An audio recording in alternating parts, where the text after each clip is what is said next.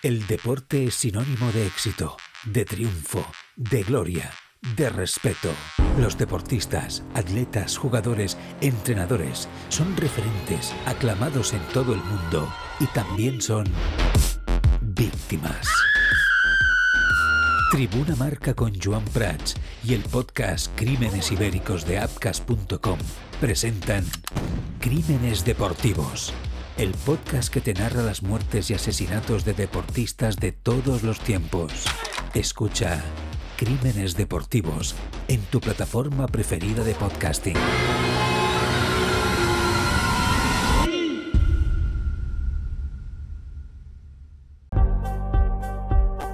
Tarda i benvinguts al Tribuna. Si l'halcó mil·lenari té a Han Solo, l'estrella de la mort a Darth Vader, Dagobah a Yoda i Naboo a l'insufrible Jar Jar Binks, el Tribuna Marca de Radiomarca Barcelona té a Joan Prats. Igual de guapo que tots ells, eh? sobretot de, de, de Java, sí, aquell, aquell personatge de Star Wars. Bé, algun dia parlarem d'ell, eh? però hem de parlar de Leo Messi. Benvinguts al Tribuna Marca. El Barça s'adona que el retorn de Leo Messi la propera temporada és molt complicat. En informació de relevo, el Barça es comença a tenir la sensació que el retorn de l'argentí és més complicat que el simple fet que d'acostar-se a l'argentí per fer-li saber que un final d'etapa daurat, en un any daurat, seria la millor manera de tancar la seva etapa a Can Barça en un retorn idíl·lic. Joan Laporta referia aquest aspecte a l'entrevista al diari Esport i deia que Can Barça sempre seria casa seva. A ver, el, el Barça es su casa. Eh, Leo sabe que en el Barça tiene siempre su casa. ¿eh? Eh, que pasa que permíteme que no hable de, de Leo, que es hoy por hoy jugador de, de un equipo que, que, yo creo que entraríamos de nuevo en una serie de, de, de declaraciones y contradeclaraciones que no nos beneficiarían nada. ¿eh? Eh, Leo sabe que el Barça siempre será su casa porque ha sido el mejor jugador de la historia del Barça. Y hemos tenido muchos y de muy buenos, pero creo que si hacemos una encuesta al barcelonismo diría siempre que Leo es, es el mejor jugador de la historia. Y además el, que digamos además tuvo la virtud de durar más tiempo ¿no? en, el, en, el, éxito. Y, y, ahí por favor no me hagas hablar más de, de este tema porque tiene un, un, contrato en vigor con un club eh, europeo y, y creo que no corresponde como presidente que hable de este tema.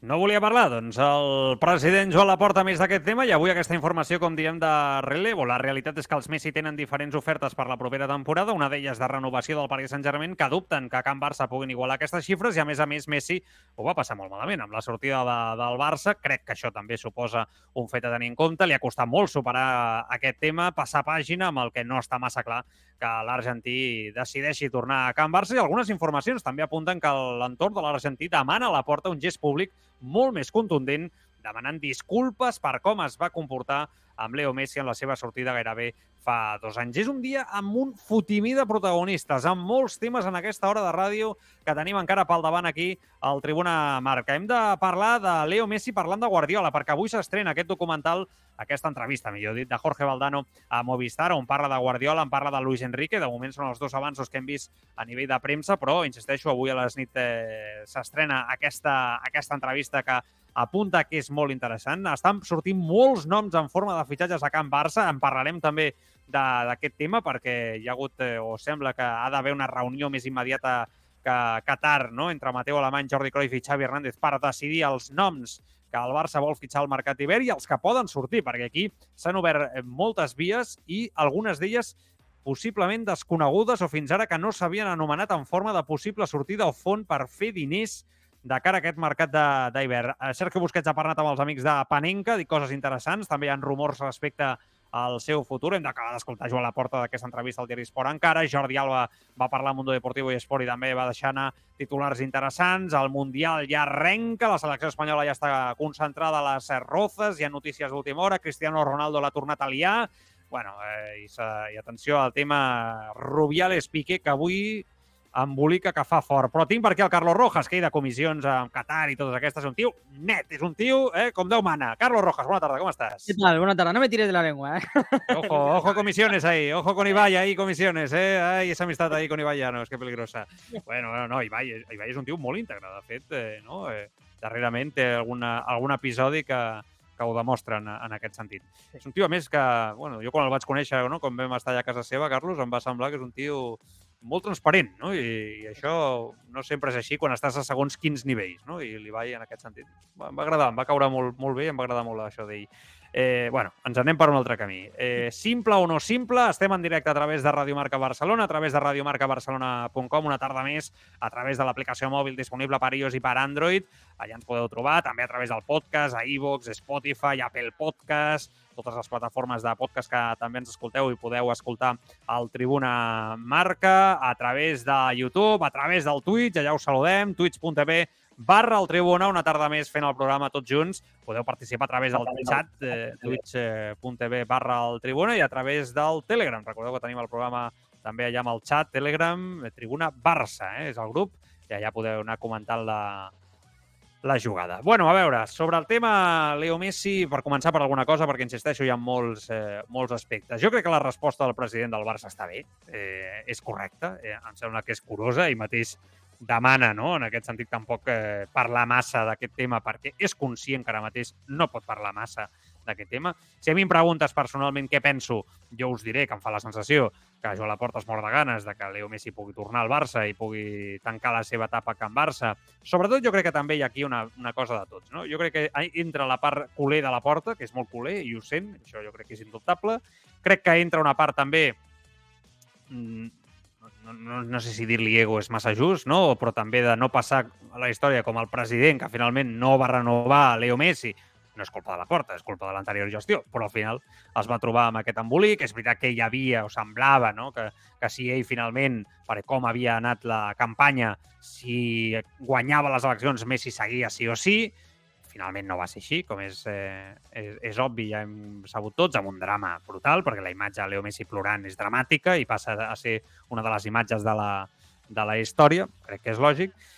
Però, bueno, eh, jo crec que ara mateix, bueno, mmm, aquesta porta està oberta i crec que la porta, quan li pregunten, és correcta i segurament no pot dir massa més. Totes aquestes notícies que el Barça estan començant a ser conscients, no?, amb el que hem obert, que potser no podran portar Leo Messi, també crec que formen part de la lògica, perquè estem parlant de persones, Carlos, i estem parlant de circumstàncies, de sentiments, de moments, d'interessos creuats, i que Leo Messi està en un estat de forma brillant, que el Paris Saint-Germain cost, eh, cobra molts milions, que el Barça segurament ara mateix no li podria pagar, per tant hauria de fer una aposta molt sentimental, molt aposta de club, parlo de Leo Messi, i que després, bueno, mmm, pues la seva sortida va ser com va ser, no? I que a vegades, pues, quan un passa pàgina a la vida, no tothom està disposat a tornar a reobrir una ferida, tornar enrere, tornar a Barcelona, tornar al Camp Nou... Bueno, i també ho puc entendre per part de Leo Messi, no? On s'hi trobaran en aquest punt? Amb la motivitat, amb la motivitat, en el sentiment. No veig que amb la pela es puguin entendre. No, no, totalmente. Partiendo de esa base, que yo creo que, que es muy complicado poder en, encajarlo, ¿no?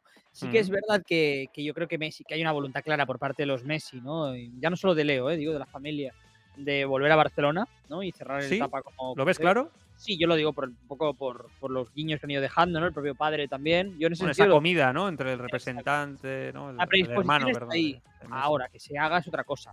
Primero por parte, por parte, ya no voy a, ya no voy a hablar perdón, por parte. Perdón, por aclararlo, para que, que, no que quiero dejar los mensajes a media, que es que después la gente no lo entiende. Comida en Barcelona entre el hermano de Xavi y el hermano de Messi, ¿eh? que es lo que ha salido recientemente. Perdona, Carlos. No, digo que, que, por parte del Barça, ya para empezar, habría que ver, porque yo es que un poco llevamos tres meses de temporada y parece que han pasado muchas cosas. En agosto yo creo que no era nada popular, ¿no? O, o hubiera sido impopular que Messi volviera al Barça. En octubre yo creo que todo el mundo lo firmaba y ahora pues estamos un poco a la expectativa, ¿no? Por parte del jugador, claro, es que al final hay un mundial de por medio, que en este caso no se puede obviar porque yo creo que Messi ha condicionado mucho su temporada y su estado físico al mundial. Por yo creo sinceramente que Messi siendo un jugador espectacular, que todavía lo, todavía lo es, me cuesta creer, igual luego me deja fatal, que vaya a estar a este nivel toda la temporada. Me cuesta creerlo por la edad, porque creo que es un mm. esfuerzo importantísimo para jugar el Mundial y va, va, a haber mucho desgaste.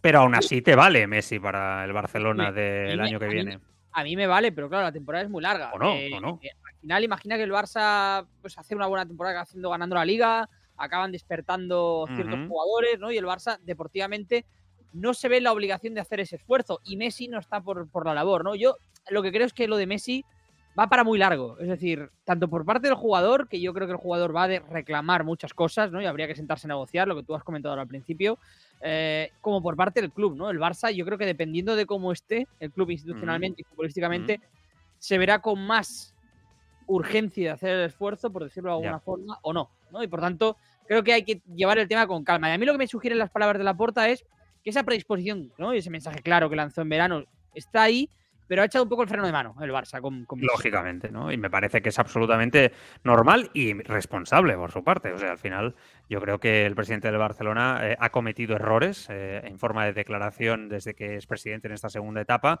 que se le han girado en contra en, muchas ocasiones, fruto de bueno, la manera que tiene él de vivir, ¿no? Yo creo el barcelonismo, la vida o en general, no sé, tampoco quiero juzgarlo a nivel personal, ¿no? Porque cada uno es como es y con sus virtudes y sus defectos, pero sí que es verdad que creo que, bueno, las expectativas, son muy malas en la vida, siempre lo decimos en el fútbol también, y, las esperanzas, ¿no? Y cuando uno sueña y se anima, pues eso le- yo creo que se le ha girado en contra al propio Laporta y ha cometido errores, ¿no? En esa línea de forma clara. Y yo creo que el tema Messi es una línea, es un hilito muy fino, ¿no? Que, está ahí, que ahí parece que ha empezado a tirar de los dos lados el hilo, pero que cualquier declaración, cualquier eh, gesto se puede torcer, ¿no? El mismo de- pide, ¿no? A, Lluís Mascaró, que es quien le hace la entrevista, déjame de preguntar sobre, este tema porque no, bueno, porque és un tema muy delicado, no?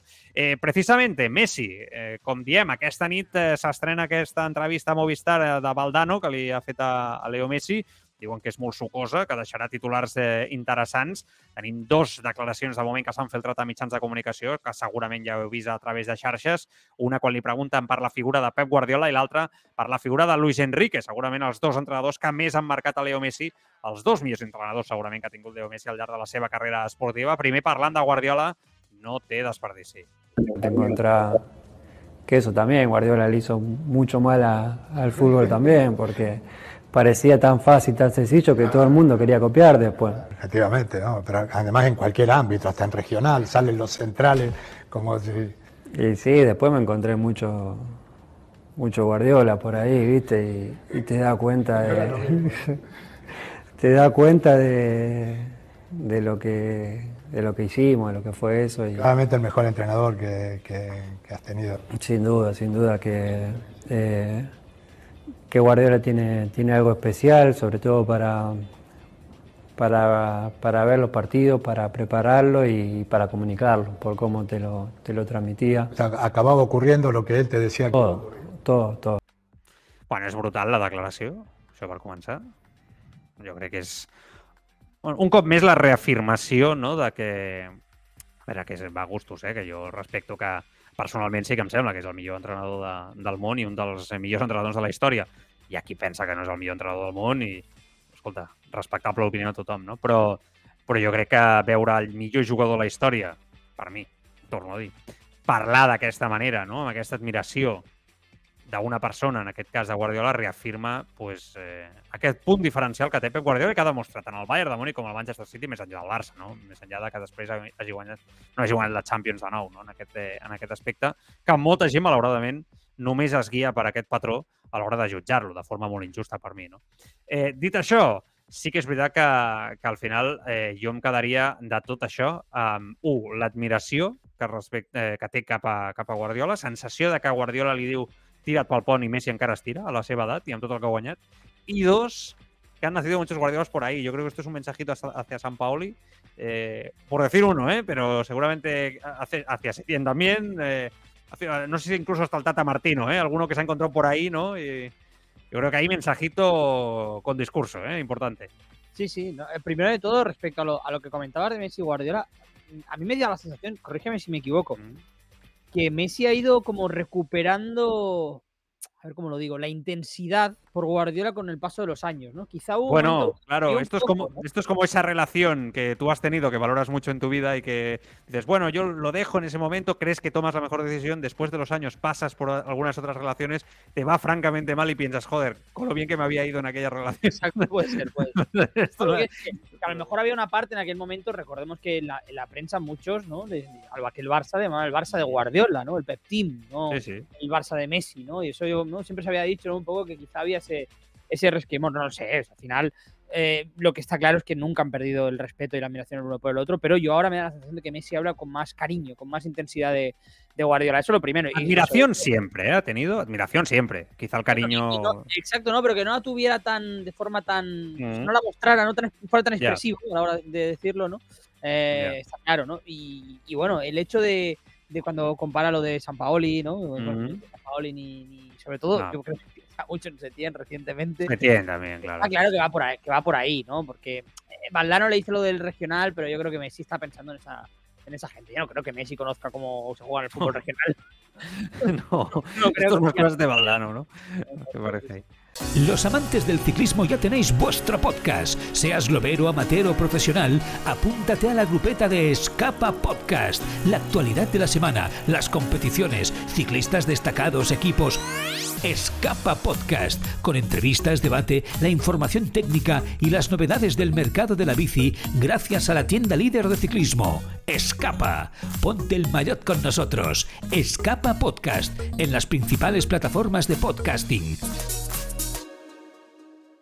Bueno, le pregunta por Luis Enrique, ¿eh? también la figura de Luis Enrique, que con este tuvo sus más y sus menos en su momento. Hay que reconocer que, que al principio los primeros 3-4 meses con Luis Enrique fueron complicados y Messi ya lo que hace el tiempo, ¿eh? como lo pone todo en su sitio. ¿eh? Ahora incluso se ríe. En su momento no reía tanto y acabaron teniendo una relación muy, muy cercana. No es la primera vez en una entrevista donde Leo Messi pues resalta la figura de, Luis Enrique. Creo que recordar que fue con Jordi Évole, si no creo, no mal recuerdo, en la sexta, donde precisamente ahí también dijo que había tenido los mejores, ¿no? En este caso se refería a Luis Enrique y a Guardiola y que después trabajar con, quien, con según qué entrenador, ¿no? Pues que evidentemente a nivel de conceptos y manera de encarar el fútbol le costaba un poco más. Hablando Leo Messi de Luis Enrique. Ya volvía de Argentina después de las vacaciones y bueno, jugábamos, jugábamos el 2 o 3 de diciembre, me parece, de enero, no me acuerdo bien. Y bueno, terminé yendo al banco y tuvimos una, una discusión ahí que, que bueno, que nos duró un tiempito, pero después con Luis Enrique tuve una relación espectacular hasta, hasta el Claro, se, último nota, día. se nota todo esto que estás contando, que, que aquello fue un episodio, digamos. Sí, hasta el último día que, que él decidió ese, que nosotros le decíamos que, que se quede, que no se vaya, que, que estábamos bien. Yo creo que esto le pasa a mucha gente con Luis Enrique. Me da la sensación. Mucho jugador. Que al principio la- en los egos, la lucha, ¿no? El- Los caracteres fuertes muchas veces pueden llegar a chocar, pero que después, en este aspecto, Luis Enrique se acaba ganando con su honestidad, ¿no? Y la manera de ir directo al, al propio futbolista. Y, y yo siempre creo que este tipo de entrenador, eh, y más con el futbolista de a día de hoy, triunfa mucho más que otro tipo de personalidades de las que hemos visto muchos casos en los últimos tiempos, ¿no? Eh, creo que Luis Enrique es perfecto para los cracks. Perfecto. Creo, ¿eh? A la larga. Es verdad que te puedes. que uno puede pensar, por ejemplo, me viene a la cabeza Cristiano Ronaldo, que ahora es muy protagonista, ¿no? ¿Ronaldo con Luis Enrique chocarían? Seguro que sí. Estoy convencido, a pri- a priori, estoy convencido. Pero creo que lo preferiría a otros entrenadores. Sí, y hablo de Cristiano, que seguramente es la personalidad más fuerte, ¿no? De los últimos tiempos. Sí, sí, yo creo que Cristiano acabaría, eh, perdón, Luis Enrique acabaría ganándose el respeto de, de Cristiano. Eh, a mí me recuerda un poco en ese sentido Luis Enrique a Mourinho, ¿no? Mourinho tiene que ir al choque con el, con el jugador va, pero luego es como un padre para ellos, ¿no? Muchas veces, ¿no? Muchos jugadores le han, han apuntado a Mourinho como padre, ¿no? Muchas veces. Que desde fuera muchas veces no se entiende, ¿no? Esto de, de Mourinho. o sea, Sí, sí, sí. Eh, El propio Cristiano, ¿no? Por ejemplo, ahora que hacíamos la comparación Messi y Guardiola, eh, con Mourinho acabó muy mal. Y con el paso del tiempo han acabado los dos entendiendo, ¿no? Eh, que bueno, que en un momento chocaron y se han reconciliado, ¿no? Como aquel que dice. Mm. Por tanto, eh, a mí me recuerda mucho a Luis Enrique en ese sentido. Pero también es verdad que hay un factor que Mm. no sale en la respuesta de Messi, no le preguntaba a Valdano, y mm. es que yo creo que hay, al final el fútbol es resultadista por inercia. Y el Barça de Luis Enrique pues, no empezó bien la temporada, acabó No. genial. y seguramente en aquel momento cuando había que recriminar cosas, Luis Enrique no tenía el crédito que tenía después, cuando las cosas volaban y cuando el equipo iba bien y cuando dio con la tecla, seguramente Messi, seguramente, seguramente Messi, lo diré bien, entendió lo que quería Luis Enrique y ahí ya pues todo fue más fácil. Él hace referencia aquel partido después del parón ¿no? de, de invierno, a Noeta, que fue prácticamente el adiós de Luis Enrique y yo creo que un poco eso lo explica todo, ¿no? Xavi, Xavi. cuando Barça- sí, sí, Xavi Barça- fue la figura que me dio en su último año como jugador, ya saliendo mucho más desde el banco, con Rakitic en la plantilla, ¿no? Como bien recordarás. Y, y Xavi es la persona que, que- que media ahí, ¿no? Entre Leo Messi, entre Luis Enrique, y a partir de ahí es verdad que todo cambia, ¿no? Radicalmente y el equipo vuela, vuela haciendo gala del, del potencial que tenía ese equipo, ¿no? Que tenía un tridente mágico arriba. eh, bueno, seguramente uno de los mejores tridentes de la historia del fútbol. Hay quien piensa que el más potente de todos, ¿no? Luis Suárez, Neymar y, y Leo Messi. Pues Para mí triplete. Para ti sí, el, el mejor, siempre lo dices, sí. Sí, eh, potente. que, que ahora me está acordando que, que la- lo que decía Messi, si no me Mm. equivoco, lo captaron los compañeros, ¿no? Que, que le preguntaban. Sí, algo hubo, sí, "¿Estás algo hubo, sí, sí. no?". El- otro ni respondía, Messi ni respondía, me acuerdo. ¿eh? Sí, sí, sí. Alguna historia me acuerdo así que hubo. No, sí, sí, fueron tiempos eh, convulsos. Eh, anem a tornar a parlar de Pep Guardiola. Volíem tancar el tema de l'entrevista a Valdano, però tornant a Guardiola, avui el Daily Mail eh, explica que Guardiola està valorant deixar el Manchester City la propera temporada ja que acaba contracte.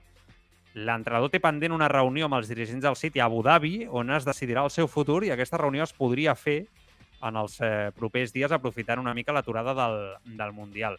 Es verdad que aquesta noticia a mí, a me ha sorprendido un poco porque yo, yo lo veo muy feliz. O sea, yo veo mucha Premier y los partidos del City casi, casi todos, casi, casi todos.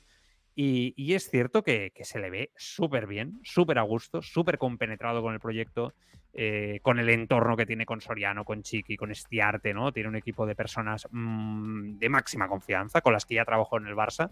Se siente como en casa. Esa es mi sensación, ¿eh? Esa es mi sensación. Yo creo que esa sería la frase que lo define. También es verdad que Guardiola es una persona que no ha estado tanto tiempo como tiempo lleva entrenando al City, ¿no? En sus eh, proyectos anteriores y que alguna vez ha dicho, ¿no? Que los proyectos se desgastan, la relación con el jugador, etcétera, etcétera, ¿no? Y que quizá va a depender mucho de eso. Me cuesta pensar, lo que apuntaba esta información, de que él vaya a tomar una decisión ahora. Otra cosa es que se siente con los dirigentes y pueda hablar, ¿no? Eh, del futuro, del contrato, de, de qué, qué va a pasar, etcétera, etcétera. O que los dirigentes, es normal, quieran saber cuáles van a ser sus planes para el próximo año, ¿no? Si va a querer renovar o no va a querer renovar. Es verdad que la última renovación ya hubo esa cláusula, ¿no? De salida, ya hubo detallitos, ¿no? Que, que- dejaban ver que no quería renovar tan a largo plazo. Y sí que es cierto que, bueno, el tema de una selección yo creo que a Guardiola le tira de alguna manera, ¿no? Y eh, después de un mundial hay muchos cambios de nombres en selecciones, etcétera. España, por supuesto que no, lo digo por si entiendo que no, ¿eh? pero por si a alguien se le pasa por la cabeza. Pero quizá va por ahí el tema, no lo sé, no lo sé. Es difícil ahora dar una respuesta a los oyentes más allá de esta noticia que ha salido hoy, ¿no? Pero fíjate, eh, cuando renovó por última vez, yo creo que las circunstancias eran diferentes para Guardiola, Mm, porque en aquel momento el Manchester City tenía que encarar una renovación del proyecto. Es sí. decir, no significaba cambiar el banquillo. Estaban Company, eh, Fernandinho, el Kun Agüero, Sterling, ¿no? Todos esos jugadores que hicieron al, al City. Gran- mayor, ¿no? De ese momento. Sí. Exacto, Silva, ¿no? Me el más, más. Eh, todos ellos se han ido yendo, ¿no? Ese, eh, eh, el City ha priorizado tener a Guardiola, que Guardiola Ujú. diseñe la nueva generación y al final, sin darnos cuenta, porque ha sido muy progresivo, nos hemos encontrado un sitio totalmente diferente. Nos parece el mismo de los últimos cuatro años, pero es muy diferente, ¿no? Las piezas han cambiado, los nombres han cambiado y lo ha construido todo a su imagen y semejanza Pep Guardiola, ¿no? Por tanto, me cuesta creer que sea una cuestión de cansancio con el proyecto, porque esa renovación que tenía que afrontar el equipo se la vendió bien el City, ha cumplido, hay que decirlo el City, con su palabra, le ha dado Mm. todo el poder a Guardiola, se ha producido, no ha sido tan dolorosa y el City ha continuado ganando. La única cosa que podría explicar que Guardiola quiera irse es lo que tú dices, que a él le apetezca personalmente coger una selección, porque yo no creo que haya ni mucho menos incomodidad, al contrario, yo creo que está más No. cómodo que nunca. Sí, y también me cuadra mucho con un Guardiola que deje, o sea, yo creo que el City es el gran favorito para ganar la Champions League este año, lo digo tal y como lo siento. Sí, pero este año los veo muy por encima del resto, sinceramente. Pero bueno, ya después Champions ya sabemos qué pasa, ¿eh? Se te cruza el Madrid de, torn- de turno, el PSG que lo quiere intentar, ¿no? Y que está ahí, que tiene un equipazo también, es, una realidad, etcétera, etcétera. Pero más allá de eso, creo que a mí me cuadraría mucho, Carlos, con un Guardiola ganando la Champions este año, dejando el proyecto encarrilado para que siga, porque yo creo que este proyecto lo coge otro entrenador y no sería Guardiola, eso por supuesto, pero tiene plantilla para para tirar, ¿no? Los próximos años, grandes jugadores jóvenes. Solo hay que pensar en Haaland, en Foden, en- que hay, bastantes. Eh, entonces sí que es verdad que ahí me, cuadraría, ¿no? Eh, creo que esta noticia salga en Inglaterra tampoco creo que sea casualidad, ¿eh? O sea, eh, en- entiendo que, que además, bueno, tú has estado viviendo en Inglaterra, del email tiene cierto prestigio a nivel informativo, ¿no? O sea, no, no es no es un tabloide sensacionalista, ¿no? Como hay muchos, en, en este caso a nivel deportivo, ¿no? Eh, yo creo que es para tener en cuenta que, bueno, seguramente hay una duda, un interrogante sobre su futuro, como ya hubo. Mm, Con Guardiola en su último año en el Bayern de Múnich, se acabó yendo. En, con en Can Barça el año antes ya había ciertas dudas, parece, ¿no? Y de- se acabó yendo un poco también por cuando llegó Sandro Rosell a la presidencia. El feeling no fue el, no fue el mejor, ¿no? Y eso lo acabó, le acabó de hacer eh, decidir sobre la decisión. Bueno, vamos a ver, ¿no? Si, si se va o no. Mm, Claro, selecciones a mí me, la- me viene a la cabeza mucho Brasil porque, o Argentina, porque me, me cuadra mucho con, con Guardiola. Sí, Sí, sí, Italia, sí. fin- incluso también, ¿no? Eh, una que no estaría mal porque el entorno es muy bueno es Inglaterra, ¿eh? Porque Sí. yo creo que Gareth Southgate, como le vaya muy mal esta, este Mundial a Inglaterra, que ya está muy discutido, muy discutido Claro. por, la por el fútbol rácano que plantea, con los jugadores que tiene, por Dios, Inglaterra. Mm, Eh, vamos a ver una Inglaterra, ya lo adelanto, con cinco defensas en este Mundial. Fíjate. Si se da ahí un descalabro, yo creo que Southgate podría salir y ahí me podría encajar Guardiola también, porque él está muy Mm. cómodo en Inglaterra, tiene su entorno y, Sí, sí. y además la selección que ahora tiene Inglaterra es jugadores, ¿no? Tienes, bueno, los propios Foden, Bellingham, ¿no? Todo, el Trent Mm. Arnold, ¿no? Dos jugadores para jugar y practicar un buen fútbol. A mí me puede, me puede cuadrar ahí también. No, no, no, no parlem de tornar al Barça perquè és impossible. Eh? Sé que molts ara ho esteu par parlant i, i valorant, si esteu escoltant el programa en directe, però sí, hem de tocar peus a terra. Guardiola ho ha dit moltes vegades. Té una relació molt tancada amb Pep Guardiola, amb Joan Laporta, perdó. Eh, bueno, con él mismo Guardiola supongo que también tiene buena relación, o no, eh, depende del día. Porque yo conmigo mismo a veces me llevo fatal. Entonces sí que, sí que es verdad que sería bonito que Guardiola volviera al Barça. Creo que puede haber una posibilidad de que vuelva al Barça, sobre todo si Laporta es presidente, este entorno ¿no? que ahora mismo está dirigiendo el club, pero no creo que sea el momento.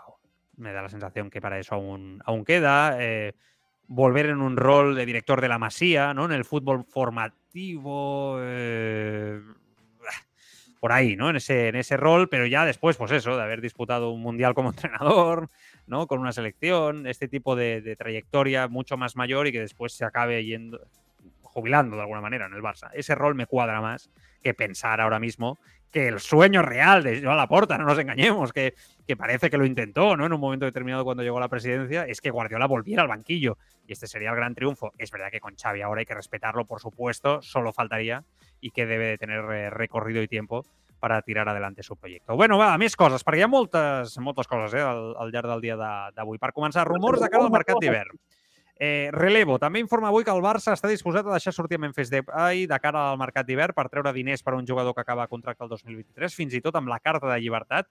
De fet, alguns mitjans afirmen, com el Tigre Sport, que no accepta la carta de llibertat que el Barça li vol, li vol oferir. Es volen treure la fitxa tant sí com no. Recordeu que insisteixo que acaba contracte el 2023. El Sevilla sembla que ha preguntat per ell, però el jugador només vol fitxar per un equip de Champions. Memphis Depay, que sona problema. Eh, ho dic tot i després ara ho comentem amb el Carlos de forma ràpida. Eh? Està previst també una reunió els propers dies entre Mateu Alemany, Jordi Cruyff i Xavi Hernández per decidir quins jugadors han de sortir i sobre qui escoltar ofertes a nivell de possibles fitxatges. Foyt, Bernardo Silva i Íñigo Martínez són els principals noms per reforçar l'equip, sense oblidar Gundogan, un futbolista que acaba contracte el 2023 i no ha renovat de moment pel City. Altres com Rubén Neves eh, perden força per la posició de mig centre. A nivell de sortides també s'ha parlat molt a les últimes hores de Kessie, l'africà no gaudeix de masses eh, minuts al Barça, el Fulham anglès ha preguntat per ell, estan disposats, sembla, a pagar a prop de 20 milions d'euros per un jugador que va arribar lliure de contracte, per tant, feu vosaltres l'operació matemàtica. Si aquesta operació s'acabés donant, Nico podria tornar cedit al València. Tot això són els rumors que s'han dit aquests dies. Eh?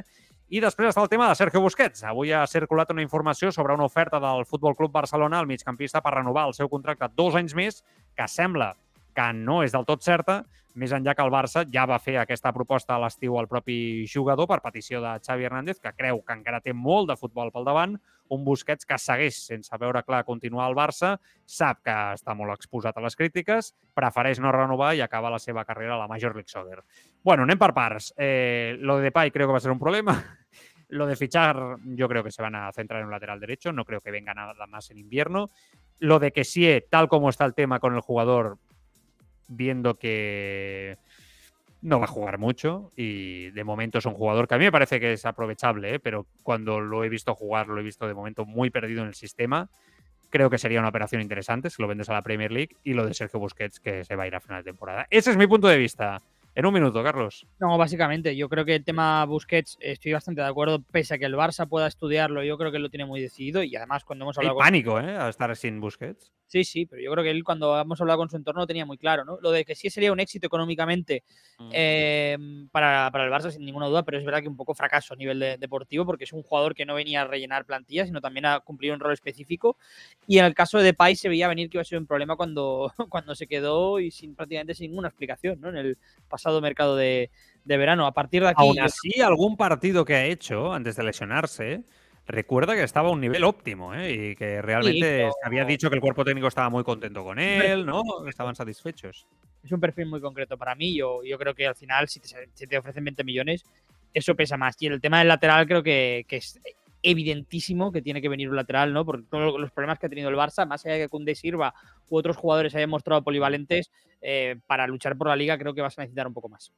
Us deixem amb el Josep Lluís eh, Merlos a la FM. Seguim fent programa nosaltres a través del Twitch, eh, twitch.tv barra al Tribuna i a través de l'streaming, eh, radiomarcabarcelona.com, l'aplicació mòbil.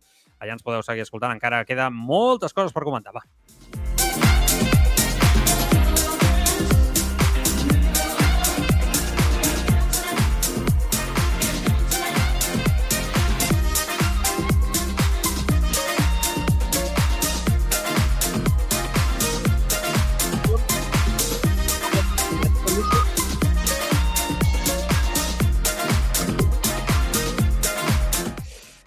Bueno, va, doncs aquí seguim. Eh, estàvem parlant de Busquets, que avui precisament ha parlat a Paninca sobre l'opció de què farà el dia que retiri, que, que ho deixi en el, en el món del futbol, sobre si serà entrenador o no. Busquets sembla que vol dirigir algun equip, eh?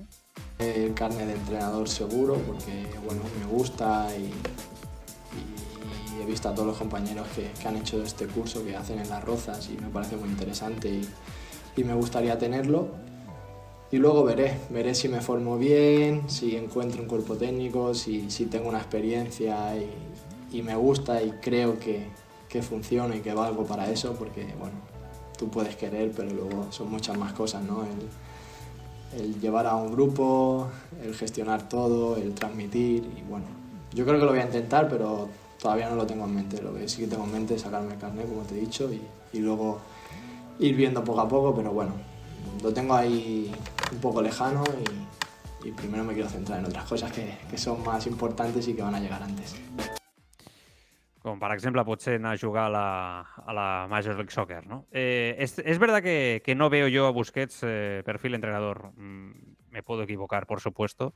Eh, para eso estamos aquí, para hablar y equivocarnos, ¿no? Puede pasar, pero el perfil comunicativo para mí es muy importante, ¿no? Yo, yo lo valoro mucho. Entiendo que hay otro, otros perfiles, ¿no? Que hay personas que les gusta más otros perfiles de entrenadores más de acción y conocimiento táctico. Yo creo que en el fútbol de élite de hoy en día, de élite, ¿eh? estamos hablando, no en el fútbol formativo, ahí es diferente, pero en la élite, la comunicación, la empatía, la inteligencia emocional, el carisma, yo creo que son detalles básicos, ¿no? Y Busquets no creo que tenga alguna de estas, de estas facultades. A mí a priori me hace pensar que, así como veía a Xavi, que estaba perfectamente capacitado para ser entrenador de fútbol ya cuando era jugador, yo Busquets no me lo imagino dirigiendo un Barça en el futuro.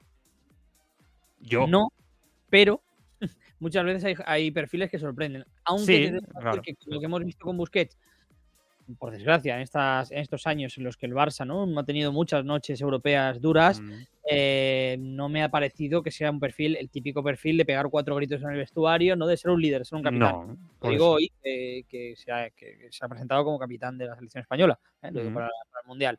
Tampoco me parece el capitán ideal para, para esta selección española.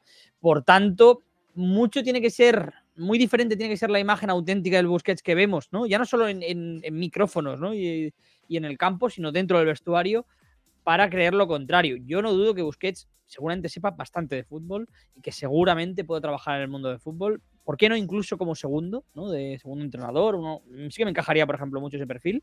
O, o como secretario técnico, ¿por qué no? Pero como primer entrenador hay cosas que yo a día de hoy no se las veo. Ahora, que no vayan a estar más adelante es otra cosa. A lo mejor él es una persona que no las mata callando, como aquel que dice. Bueno, no sé. Ahí ya deberíamos entrar en temas que no conocemos. Missatges de la gent, twitch.tv barra al tribuna, mensajitos que llegan a través de, del chat del Twitch y de YouTube. ¿eh? También ahí está la gente opinando. Carlos, ¿qué has seleccionado por ahí? Venga, va. Pues mira, por ejemplo, tu Gromi, con el tema de Messi que hemos comenzado, decía, la porta le guste o no pasaba la historia por echar a Messi, por ser el presidente del partido más vergonzoso que se ha jugado en el Camp Nou. Peteras Mac respondía, qué malo es la porta, es mejor Floreone. Eh, mm, ironía, ironía. Y...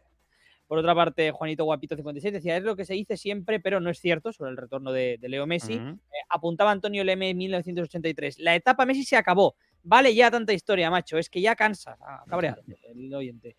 Por otra parte, Pro In Games decía, el Barça de Luis era Messi, Ney y Suárez.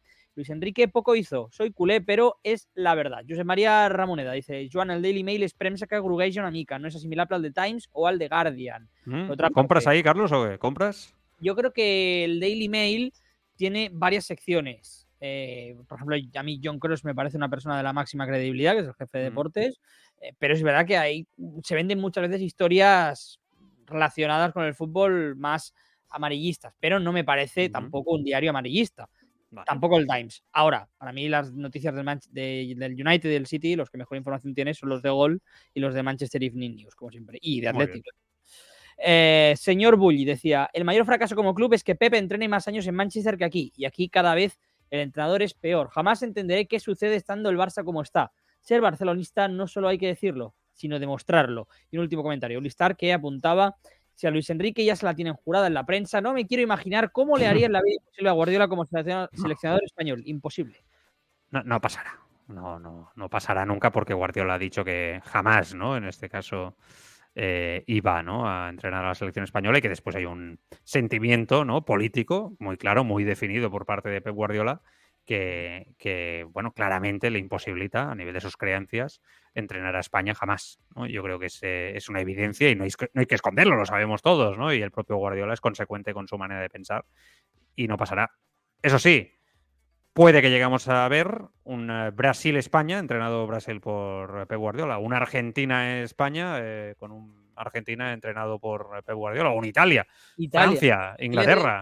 Italia sería increíble. Eh, Italia yo creo, porque él, estuvo jugando en Italia, ¿no? allí en el Brescia, la Roma creo que también estuvo, ¿no? Si no me equivoco. y es verdad que, ahí tiene buena relación, ¿no? Pep Guardiola le pega mucho también, ¿no? El estilo de, vida de vivir en Italia, yo creo que le pega mucho también a, Pep Guardiola y, creo que le pegaría mucho entrenar a la selección italiana, una selección que no va a estar en el Mundial, por cierto, ¿eh? para recordarlo, que lo, supongo que la gente se acuerda, pero bueno, es, difícil pensar, ¿no? Que de por sí, si te preguntan que Italia no vaya a estar en un mundial, pero no, no va a estar. Explicar ah, años, ¿eh? Italia, que en Rusia no estuvo, tampoco, ganan la Eurocopa y luego no están en, es, una locura de proyecto. Sí, sí, ya lo puedes decir. Bueno, eh, la porta, a Diario Sport, mm, declaraciones importantes. Vamos a intentar repasar bastantes cortes de esta entrevista de Joan Laporta. Concretamente vamos a escuchar seis cortes del presidente del Fútbol Club Barcelona en el diario Sport eh, el domingo o el sábado, ya no sé cuándo fue. Fue el domingo, ¿no? Creo, o sábado, sábado, sábado, ¿no fue? Sí. La entrevista, sábado. Sí, creo que bueno, le preguntan por una sociedad anónima deportiva, porque claro, hay mucha gente que dice, oye, lo de las palancas es el primer paso para que el Barça se convierta en una sociedad anónima deportiva que deje de ser propiedad de sus socios. Domena García García, eh, tertuliano de este programa, siempre lo dice, ¿no? Y opina desde hace mucho tiempo que esto va a pasar tarde o temprano. Le preguntan a Laporta. Laporta no solo no, lo niega, sino que dice que está en el Barça para evitar que esto pase. al, revés. Es que además es que no será así. Puedo asegurar, puedo garantizar que eh, esta es mi razón de existir, eh, de que el Barça siempre sea propiedad de los socios y las socias del Fútbol Club Barcelona.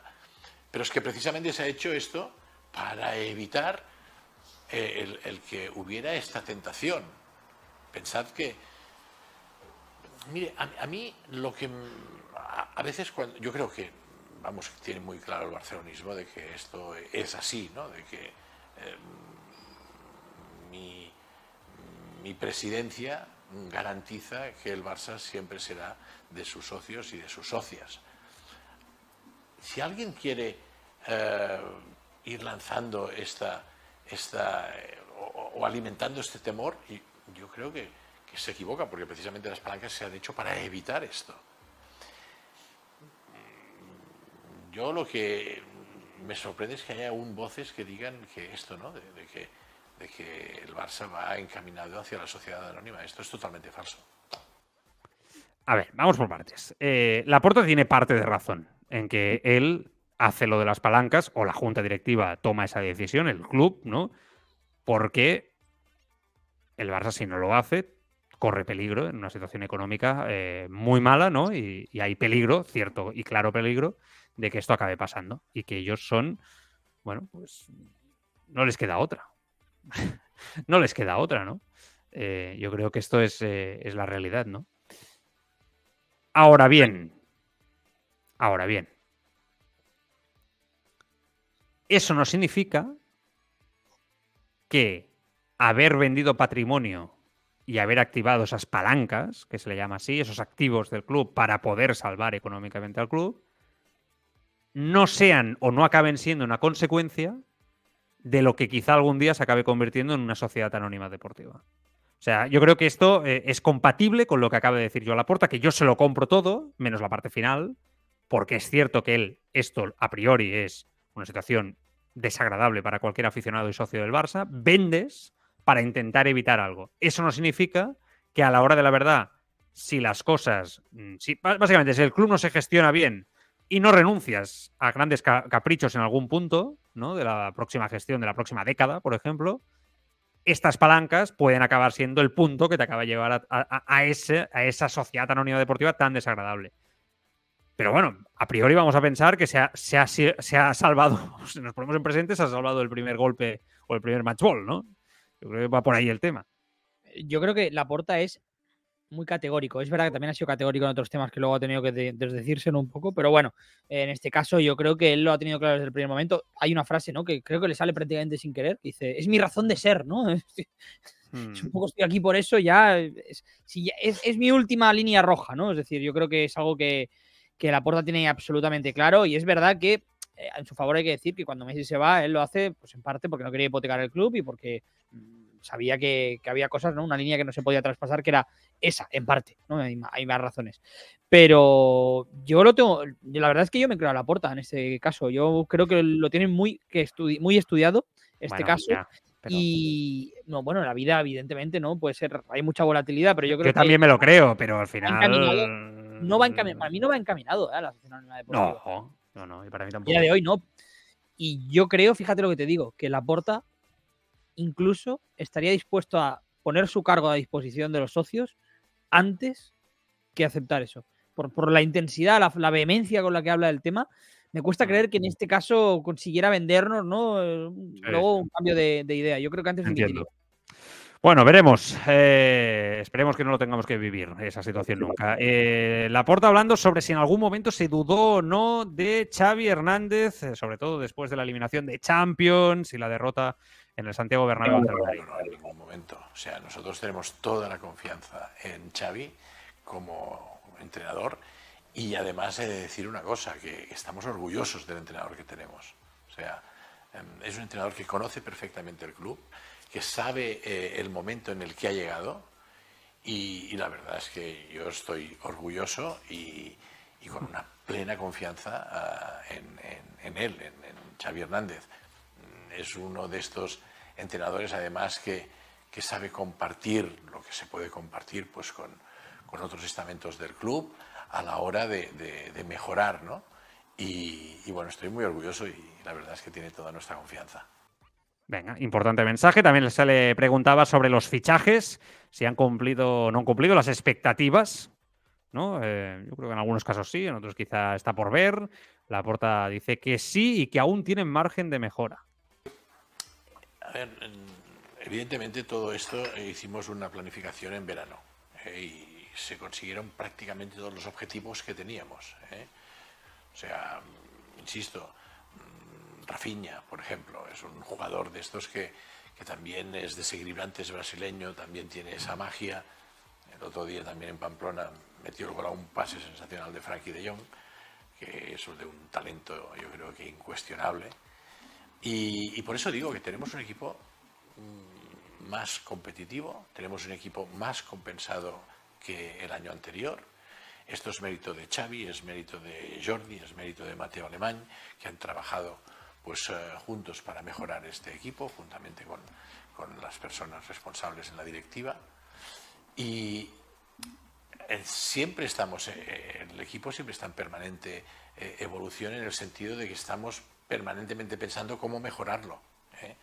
Pues se incorporó también por el lateral derecho a Bellerín, que no ha tenido la oportunidad de demostrar su, todo, todo su talento por causa de las lesiones. Lo de las lesiones nos ha hecho, de alguna manera, no poder ver el total potencial que tiene este equipo con todas las nuevas incorporaciones. ¿eh?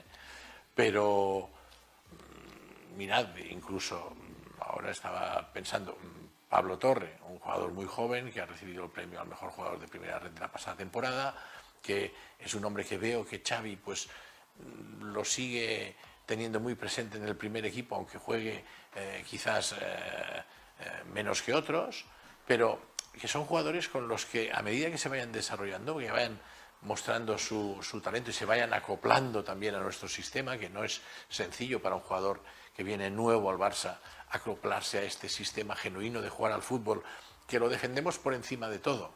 ¿eh? A veces tenemos eh, cierta discusión interna de que a lo mejor se tendría que evolucionar ese sistema a a un sistema más físico. No somos partidarios de esto, somos partidarios de mantener nuestro modelo, porque nos hace únicos. Y si fuéramos a un modelo más físico, seríamos un, un- un equipo más. Entonces, los jugadores, adaptarse a nuestro sistema no es sencillo. Por eso valoro tanto la incorporación inmediata que ha tenido eh, Jules Koundé, la incorporación y la adaptación inmediata que ha tenido eh, Robert Lewandowski. Vale, eh, Altai dura molt més y no, no vamos a estar aquí tampoco hasta mañana porque nos quedamos sin tiempo. Yo me siento orgulloso de tener un presidente que habla así del Barça. Yo, particularmente. Es que Carlos este sentimiento lo puede tener por, por- por razones obvias, pero, pero que sí que puedo entender que esto es una persona que defiende una ideología muy particular, propia de un club como el Fútbol Club Barcelona, que es único en el mundo por su manera de entender el fútbol y su manera de entender el club y que ahora, en los momentos complicados, porque ahora el Barça está en un momento complicado como club, aún lucha para salir de este bache, que haya una persona dirigiendo el club que sea fiel a la idea, a mí me encanta. Porque es en los momentos difíciles donde se duda, en los complicados. Aquí muchísimos tertulianos que cada semana piden precisamente, ¿no? Que se cambie el estilo, que el estilo que intenta practicar el Fútbol Club Barcelona está acabado, que ya no se puede jugar este fútbol bueno, etcétera, etcétera. Yo creo que esto es muy importante. Y creo que con los fichajes habla mucho de futuro, de futuro. Pero creo que del corte, esto, esto que os digo, para mí es lo más importante. Sí, y- yo cuando lo estaba escuchando, ¿no? Fíjate que ha sido hasta demasiado sincero, ¿no? Decía, a veces internamente lo discutimos, ¿no? Si hay que ser más físicos. Eh, y él, yo creo, yo estoy seguro que evidentemente, ¿no? Porque al final, eh, por mucho que seas directivo del Barça, pues también eres persona y aficionado al fútbol y, y tú lo ves. duda. y seguramente haya gente que dude y tenga Claro. esas, ¿no? Que se haga un partido cabreado y diga, se acabó, este juego ya no sirve, tal y cual. Pero a mí me parece que la porta no es de esos, ¿eh? Yo creo que la porta, al contrario, cuando acaba el partido está más convencido que nunca, ¿no? Y seguramente el Barça o- o- o habría virado hacia otro lado, ¿no? El mensaje institucional habría sido otro, ¿no? Si la Porta tuviera esas dudas. Es muy importante que en los momentos en los que las cosas no salen bien, si tú tienes una idea y un proyecto y has apostado por esto, vayas con ello hasta el final. Luego la- los resultados y la temporada no marcarán un poco el éxito de, de la Bueno, propuesta. y el Barça no ha ganado en su historia prácticamente en la época moderna de otra manera. ¿eh? O sea, esto hay que recordarlo. ¿eh? Entonces, si, si no se gana, pues mm, a veces puede ser por la ejecución, no por el, porque falla la idea, sino porque falla la ejecución. Que yo creo es que es lo que está pasando. Es lo que está pasando. Yo creo que esa ejecución necesita tiempo. O sea, yo, yo creo que necesita. Es, es un sistema que cuando te alejas un tiempo, el Barça se ha alejado 5, 6, 7 años tranquilamente ¿eh? de esa idea. Después volver a implantar esa idea de forma mm, activa, de forma correcta, cuesta mucho. Yo creo que esto es lo que le, esto es lo que le está pasando ¿no? Eh, al, al Barcelona. Eh, Y la porta, yo creo que te lo compraría todo, ¿eh? lo que dices. O sea, yo escuchándolo parecía Parecía uno de tus speech. sí, no, no, en eso coincidimos. En otras cosas quizá no tanto, ya lo sabe, pero en esto sí que, sí que coincidimos. Eh, de hecho, yo es una de las cosas que siempre valoro de la porta, ¿no? Que cuando se da a hablar, es una persona que se da a escuchar, que le gusta escucharla, ¿no? Eh, yo creo que esto hace mucho. Desde que él se fue, con Rosé y con Bartumeu no había esta explicación al socio de, las cosas con esta dialéctica, con esta capacidad comunicativa. Y es una pena porque la gente al final necesita ¿no? saber por dónde va el club y, es muy importante tener una persona que se da a ello. Superliga, eh, lo, que le gusta a Carlos, ahí está. Le preguntan a Laporta sobre la Superliga. Yo creo que Laporta está en modo, ha, cogido un poco el testigo de, de Florentino Pérez ¿eh? con la Superliga. Todos son titulares, habla de 300 millones de beneficios, mil millones de bonos por entrar. A tope con la Superliga. Joan Laporta, presidente del Barcelona. estructurada, a nosotros nos representaría entre 700 y mil millones de eh, más ingresos, ¿eh? de una mejora de los ingresos. El Barça se podría ir a facturar unos, tendría un volumen de, facturación, bueno, pues de más importantes del mundo. Y esto nos hace que pudiéramos competir. ¿Anuales? Sí, sí, que eso nosotros nos representaría una, un, ingreso. De, salida hay para los clubes que hemos sido fundadores, pues hay unos ingresos previstos. Sabéis que hay una entidad que tiene pues ya prevista invertir unas cantidades en esta competición y a nosotros nos representaría un ingreso de mil millones. Y anualmente yo creo que podríamos sacar de esta competición del orden de los 700 millones. Mm, vale, estamos hablando de 300 millones anuales y mil millones de entrada. ¿Cuánto te da la Champions actualmente? Uf, ahora no lo sé, pero vamos, no llega ni a los 300. El ganador creo que se lleva unos 140, 150 millones. Ahora voy a hacer, no, vamos a volver a hacer el debate que siempre tenemos tú y yo sobre la Superliga y tal, porque la gente ya está cansada de escucharnos, ¿no? Ya sabe las posturas de todo el mundo y ya es imposible competir, contra esto. O sea, en un mundo donde el fútbol necesita constantemente inyección económica, ¿verdad?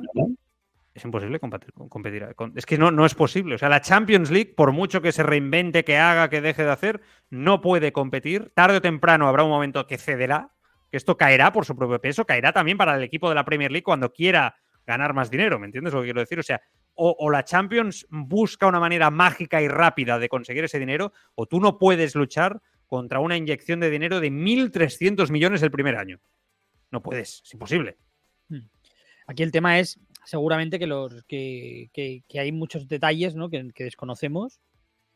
En el contrato me refiero, ¿no? Los clubes ingleses tienen que estar, los clubes alemanes, los clubes. Bueno, ya, pero los fundadores son también los ingleses, ¿no? Entiendo. claro, pero el reto, el reto de los, ¿no? De los de Madrid, Barça y Juve, ahora mismo es convencer a todos los demás que vayan a muerte, ¿no? Que, que, rompan los lazos y que, vale la pena para ellos porque son mil millones para clubes fundadores, creo que parece, por cierto, un escándalo, ¿no? Porque no puedes hablar de una Superliga abierta y que haya 10 equipos que reciban mil millones porque son fundadores y luego los invitados no sé con qué van a competir, ¿no? Por con cuánto dinero. Eso es algo que creo que se tendría que explicar muy bien, porque si no, vaya competición antes igual. Por mucho que entre un equipo invitado al Valencia si el Barça recibe cada año mil millones, Madrid y tal, pues el Valencia, ¿qué va a hacer con 200 millones? No puede hacer nada.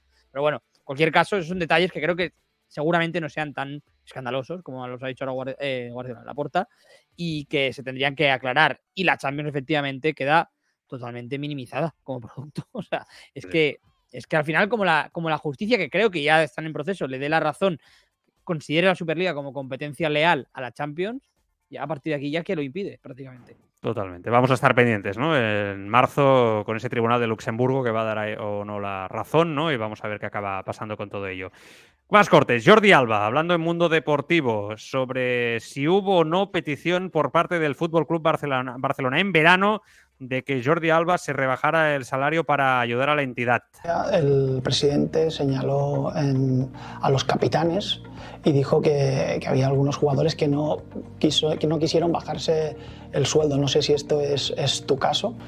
Bueno, yo eso lo vi, pero no, no, sé a qué jugadores se refería, porque tampoco dijo nombres, pero en mi caso sí que te puedo hablar de, de mi persona, ¿no? Al final, siempre que el, que el, club me ha pedido ayuda, siempre he respondido, siempre he intentado pues ayudar al club en todo momento, siempre ha sido así. Eh, este año pues eh, el club a mí no me ha llamado y en ese sentido pues, pues bueno, solo te puedo decir que, que siempre que, que, el club me ha pedido ayuda pues he ayudado, ¿no? Creo que, que al ser de aquí, ser catalán, ser de Barcelona, al final pues eh, y conocer cómo es la casa, eh, siempre me ha, me ha invitado y, y, he tenido ganas de ayudar al club. Siempre que, que, el club me pida ayuda, pues siempre estaré ahí, ¿no? Para, para intentar ayudar. Vale, yo voy a ser muy directo y muy simple. Si la porta en una, en una, asamblea, ¿no? Dijo que ellos habían intentado hablar con algunos jugadores, etcétera, etcétera, ¿no? Y que finalmente no había sido posible, básicamente lo que nos venía a decir, ¿no? Había una crítica abierta hacia los capitanes de que no habían querido colaborar ¿no? en estas circunstancias. Eh, tenemos que saber quién miente de las dos partes. Es difícil saberlo porque cada uno explica su historia. Aquí hay una de las dos partes que miente, creo que esto es evidente. Si el que miente es Jordi Alba, haciendo estas declaraciones, eh, es, de ser muy cínico. Que se me entienda, ¿eh? no lo estoy insultando, que se me entienda. ¿eh? Si Jordi Alba se le pidió que se rebajara el sueldo y es capaz de hacer estas declaraciones, creo que no hace falta añadir nada más. Pero, insisto, tenemos que saber quién miente. Pero son declaraciones muy similares a las que hizo Busquets en verano, ¿eh? recordemos, en septiembre, que dijo, estoy harto de enterarme por la prensa de Mar, que me llame uh -huh. el club, pero aquí no me ha llamado nadie, ¿no? Dijo. Eh, vale, entonces, aquí... ¿qué motivo tiene ahora, ahora abogado, de, de, abogado del diablo? ¿Qué motivo tiene la porta para hacer esa crítica pública si no les ha pedido Totalmente, eso? Justo a lo que iba yo. Eh, yo creo que al final, si nos atendemos un poco a los hechos, eh, no hay nada que interesara más a la porta que la rebaja salarial. Si no se ha hecho es porque la, la, la plantilla no ha querido. O sea, es que simple y llanamente. ¿Piqué lo hizo? Piqué que, lo hizo. ¿Por qué Piqué sí? Algo escandaloso. A lo mejor el Barça le presentaba una rebaja muy baja, eh, perdón, muy, muy potente, ¿no? Eh, Pero a mí no me cuadra esto que dice Jordi. A mí tampoco, es que yo, yo, yo me creo a la puerta, la verdad.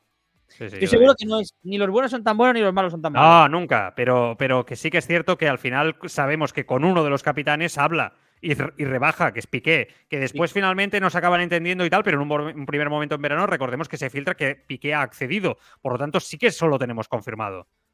Entonces, no tiene sentido que se le pida a Piqué y no se, no se le haya pedido a Busquets o al, al, propio Jordi Alba.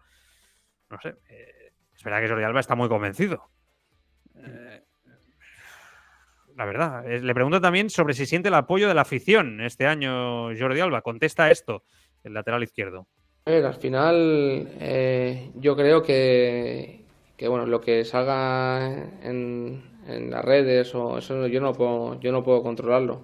Yo sé que lo que, y el club también lo sabe, que siempre que me han pedido ayuda para ayudar al club, siempre he ayudado, siempre he estado dispuesto a ayudar y siempre lo he hecho, ¿no? Al final eh, no puedo controlar todo lo que se hable y creo que la, que la afición eh, siempre he notado el, el, apoyo al jugar en el Camp Nou, siempre he notado mucho apoyo hacia mi persona.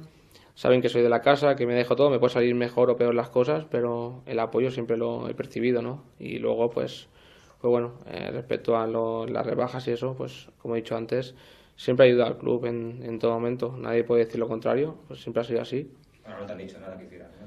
No, ahora no, ahora este año no, no pero años anteriores sí y, y siempre lo, lo, he hecho, lo que me han pedido, siempre lo he hecho y, repito que nadie puede decir lo contrario. En, eso, en ese aspecto estoy muy, muy tranquilo y, sí, es verdad que me siento pues eh, muy agradecido a todo el apoyo que, que siempre me ha dado la afición. Yo veo bastantes contradicciones en el mensaje de Jordi Alba, eso para empezar. Eh, eh, pero bueno, aparte de eso, no, no, tengo nada en contra de Jordi Alba, ¿eh? evidentemente aquí cada uno puede, puede, tener su opinión y yo el primero, pero a mí no me da la sensación que eh, Jordi Alba, siendo un jugador que ha sido y es y será muy importante en la historia del Barcelona, ahora mismo sea un jugador que reciba tanto apoyo. O sea, a mí me da la sensación, es una sensación, no tengo una estadística delante, por lo tanto no puedo ¿no? corroborar al 100% que esto es así, pero no me da la sensación que es un jugador muy querido mm, por todo lo que ha pasado y cómo él también se ha comportado, terreno y fuera también del terreno de juego, etcétera. Pero bueno, él tendrá su percepción, no pasa nada.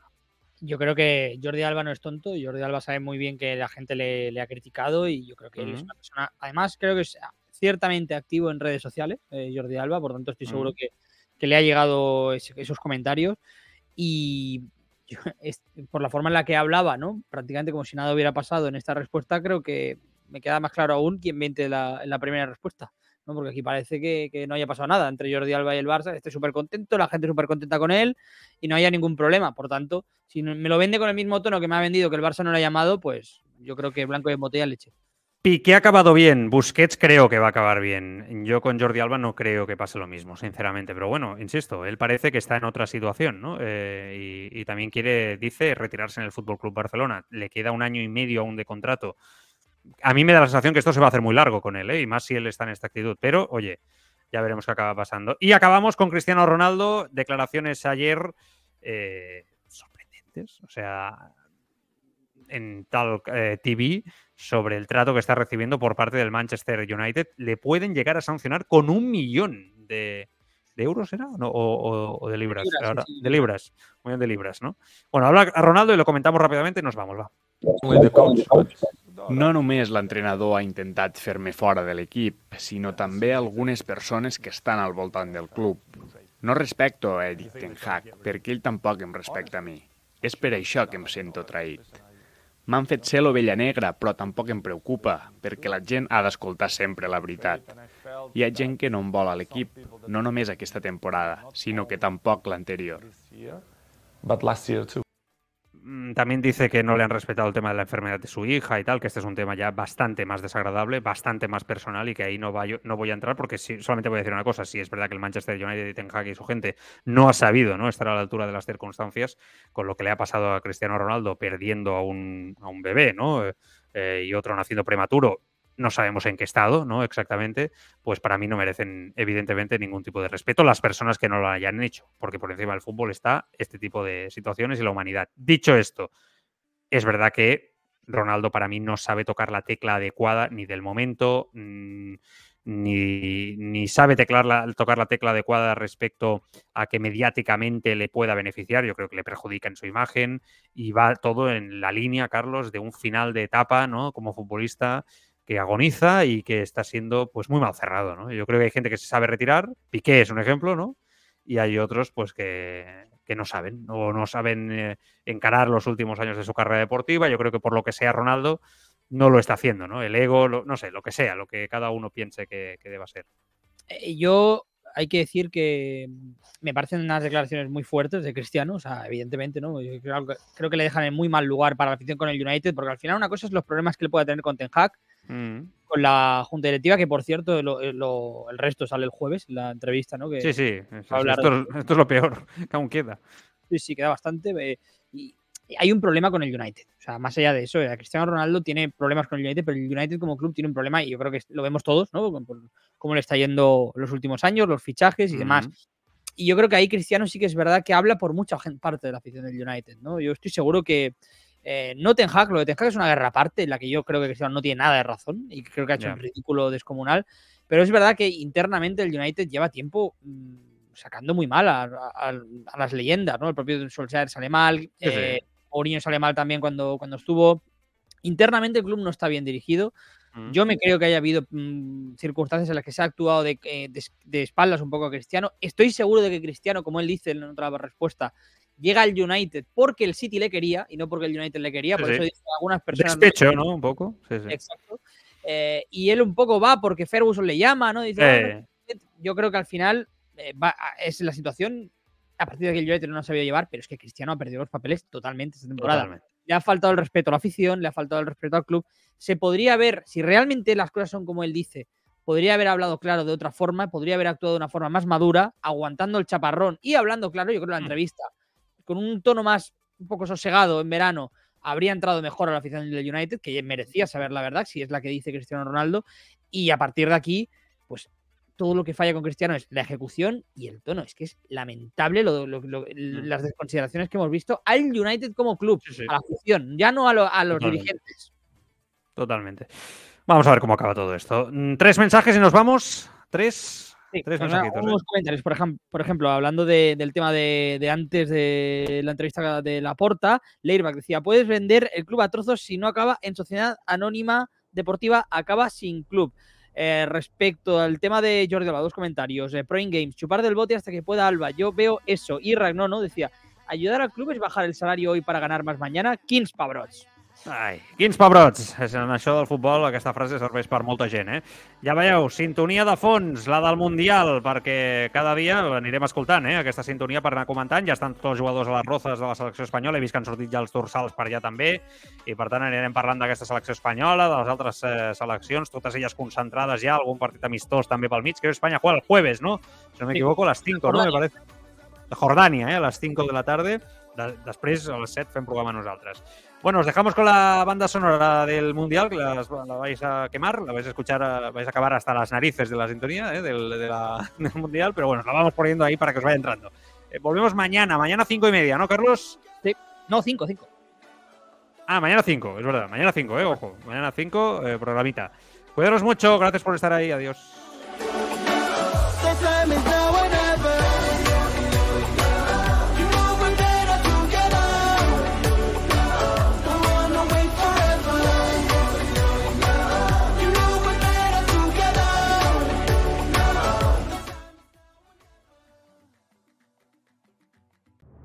El deporte está lleno de momentos épicos, de grandes rivales, partidos inolvidables, jornadas para la historia y en algunos casos, puntualmente, golpes de efecto que lo cambiaron todo. Abcas presenta un podcast repleto de personas increíbles, de grandes deportistas y de momentos, de situaciones que han pasado a los anales de la historia del deporte. Descubre Golpe de Efecto, un podcast con las grandes historias del deporte y los grandes deportistas.